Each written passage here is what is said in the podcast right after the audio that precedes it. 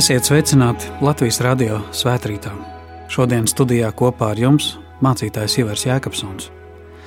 Šajā svētdienas rītā ieklausīsimies vārdos, kas rakstīti Mateja evaņģēlīja 8. nodaļā. Kad Jēzus iegāja Kapernaumā, pie viņa pienāca kāds centurions un lūdza: Mans kalps guļ mājās paralizēts un briesmīgi cieši. Jēzus tam sacīja: Es iešu un viņu dziedināšu. Bet centurions atbildēja: Kungs, es neesmu tā cienīgs, ka tu nāc manā namā. Dod tikai pavēli, un mans kalps būs dziedināts.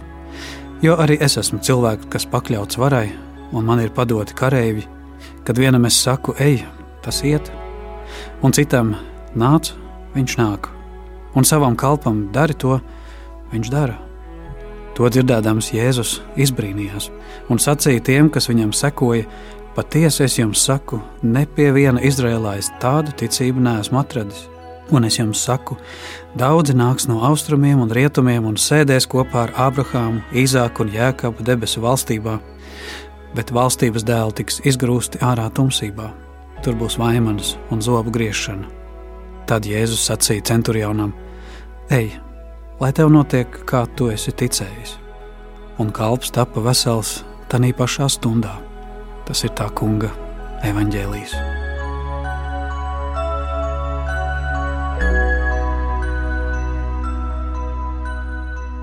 Mēs lūdzam tevi, Kungs, svētī šī tava vārda patiesību.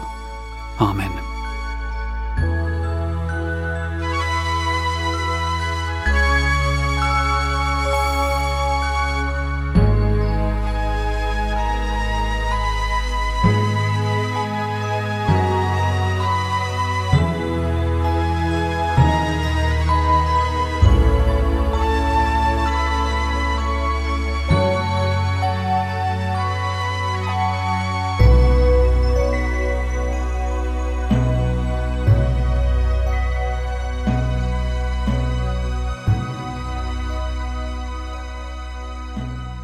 Kapernaumā, Izrēlā, vēl šodien ir atrodamas sinagogas drupas ar divām kolonnām no Jēzus laika.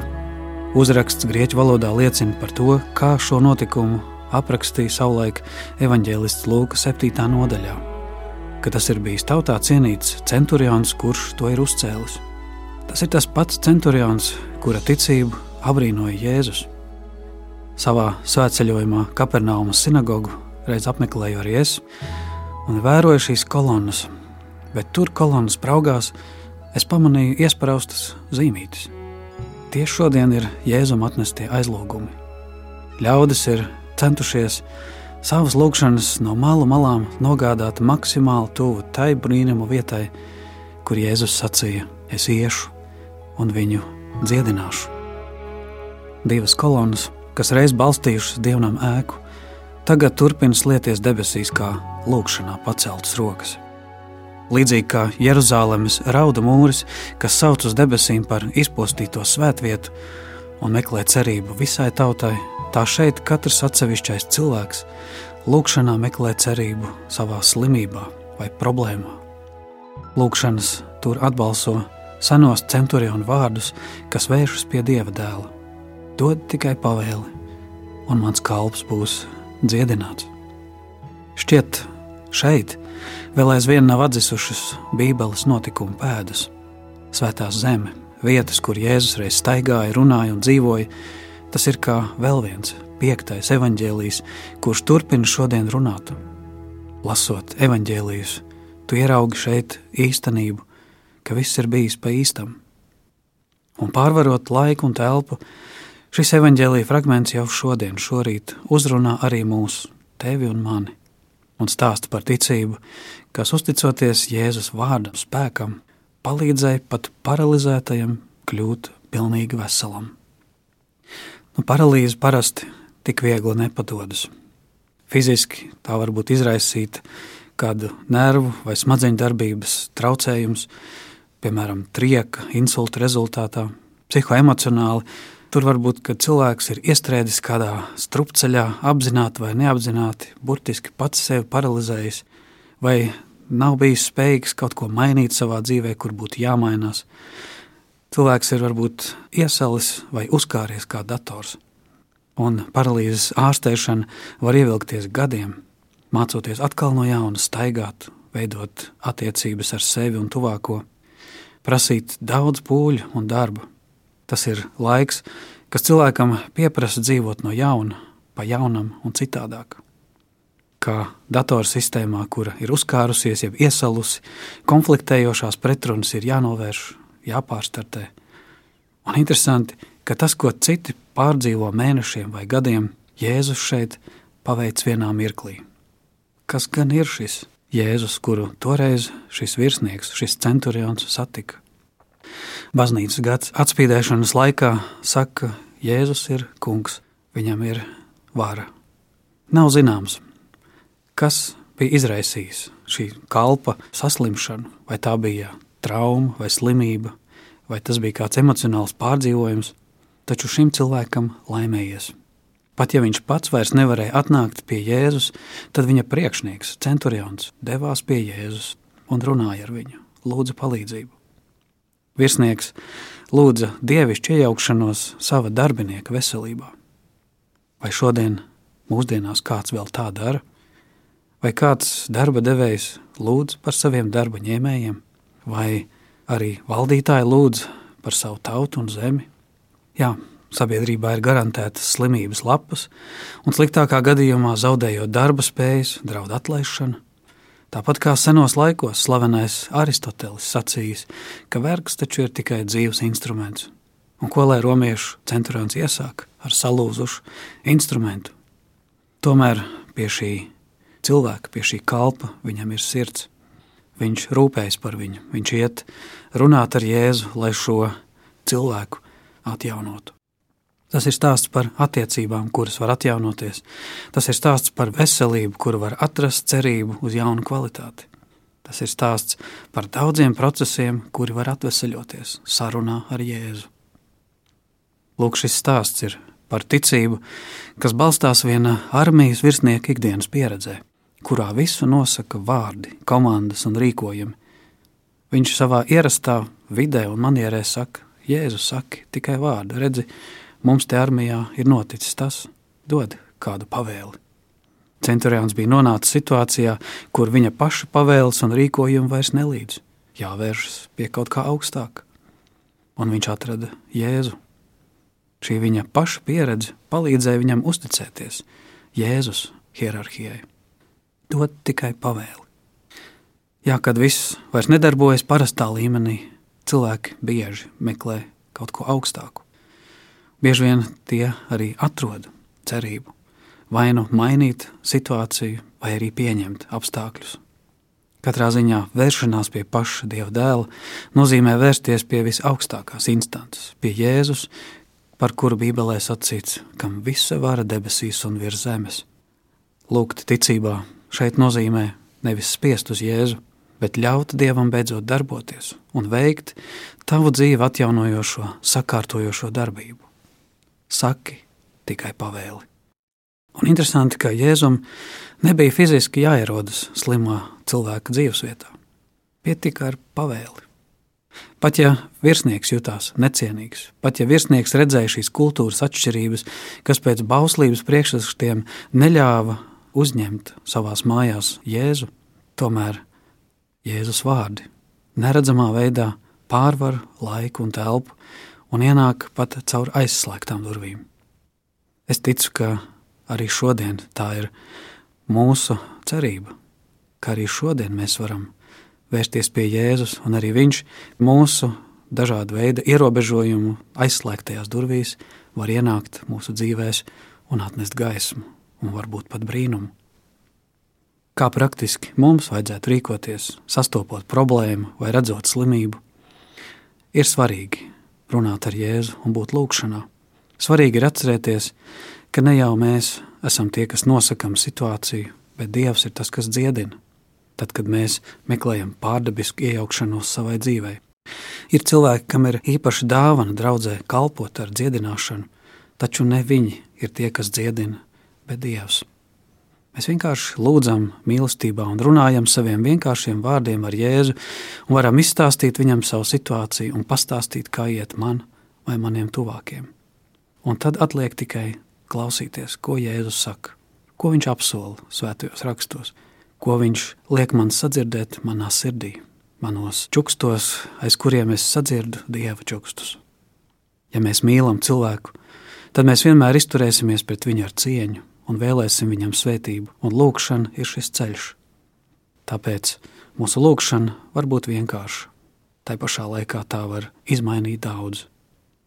Bet, ja ir kādi apstākļi, kas kādam neļauj saņemt dziedināšanu, tad jāatceras, ka daudz svarīgāk par dziedināšanu un brīnumu ir redzēt, ka notiek atgriešanās no grēkiem, ka tiek izglābts pats galvenais, proti, dvēseli, un ticība tiek saglabāta.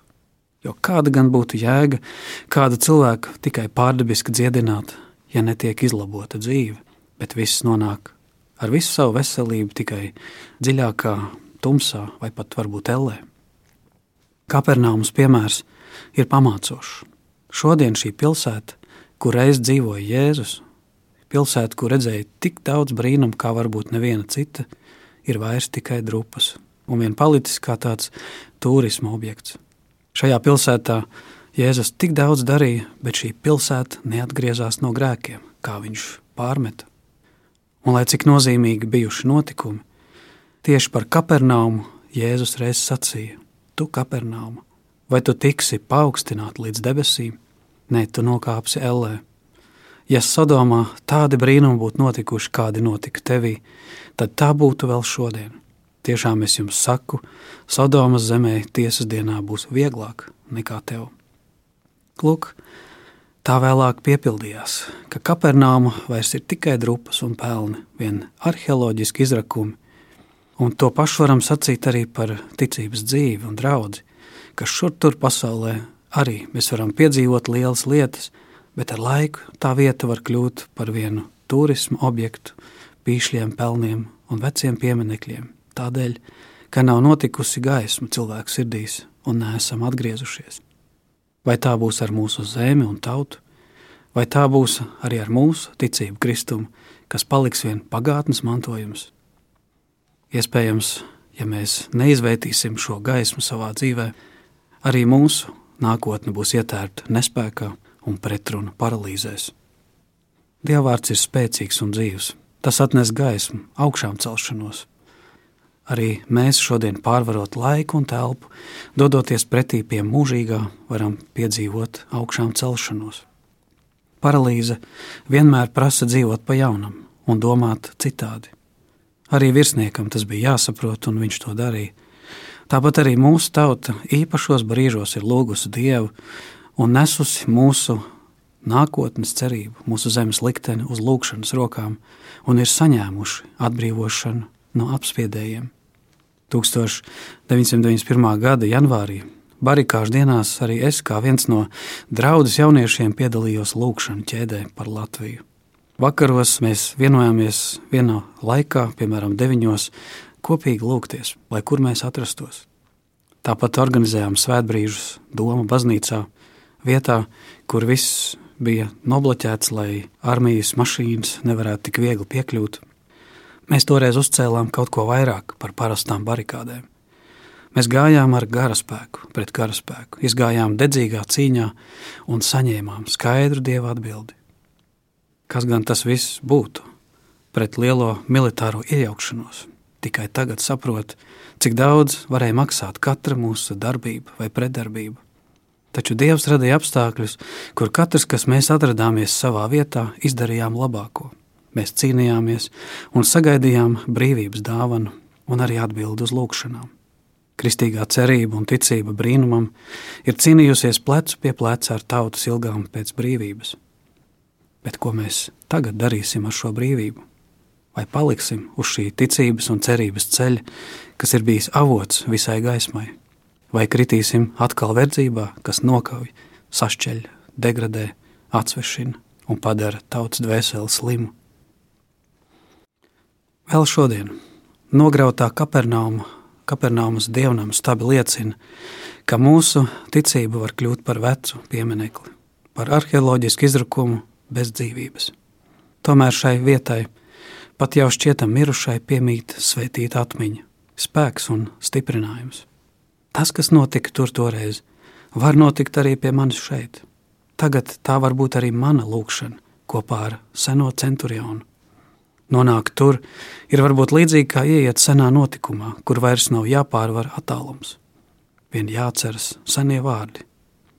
Jēzus vārdi, kas radījuši pasauli, vēl aizvien turpina atbalsoties visumā. Tas caurstrāvo visu un visur.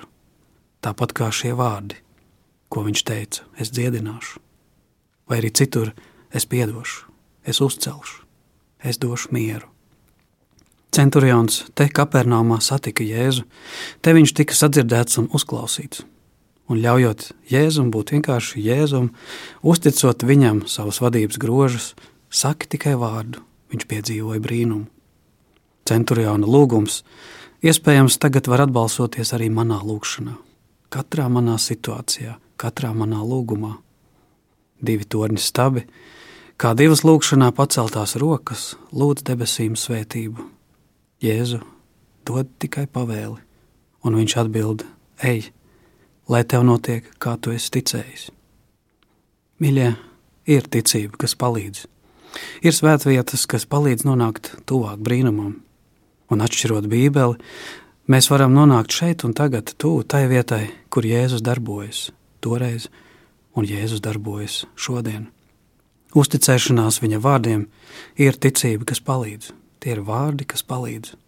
Šeit lūkšanā ir vieta, kas arī mums palīdz satikties ar Jēzu un uzticēt viņam visu un sadzirdēt visu, kas nepieciešams.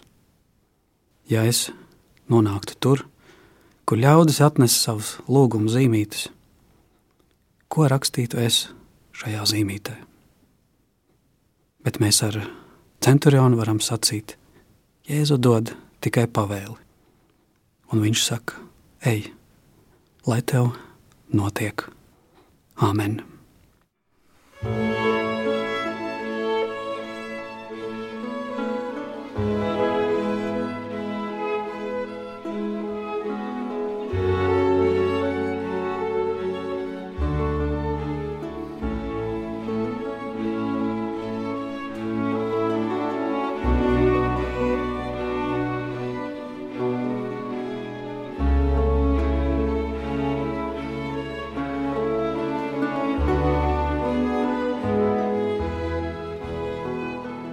Lūksim Dievu. Visvarenais un mūžīgais Dievs Tēvs, mēs sakām paldies par Tavu mīlestību, ka Tu tik ļoti esi mīlējis pasauli, ka devis savu dēlu Jēzu, kurš nācis pie mums, mūsu tumsā, mūsu nespējā, paralīzēs. Un pat ja mūsu durvis daudz viet ir slēgtas, Tavs vārds var ienākt mūsu mājās un atnest gaismu. Arī mēs Tev atnesam savas lūgšanas savas lūkšanas un aizlūkšanas zīmītes, kurās ir rakstītas daudzas lietas, vārdi un notikumi, kur mēs ilgojamies redzēt jaunu iespēju. Dod tikai pavēli. Uzrunā tu šīs situācijas, lai notiek tavs prāts. Tā mēs lūdzam par mūsu zemi, par mūsu tautu, par katru, kas mūsu sirdīs, ar tiem vārdiem, kurus Jēzus pats ir mācījis. Mūsu Tēvs debesīs Svētīts lai top tavs vārds, lai nāk tava valstība, tavs prāts, lai notiek kā debesīs, tā arī virs zemes. Mūsu dienascho maizi dod mums šodien, un piedod mums mūsu parādus, kā arī mēs piedodam saviem parādniekiem. Un neieved mūsu kārdināšanā, bet atpestī mūs no ļauna, jo tev pieder valstība, spēks un gods mūžīgi mūžos. Āmen! Un Dievam Vienīgajam ir gods, vara un pateicība mūžīgi.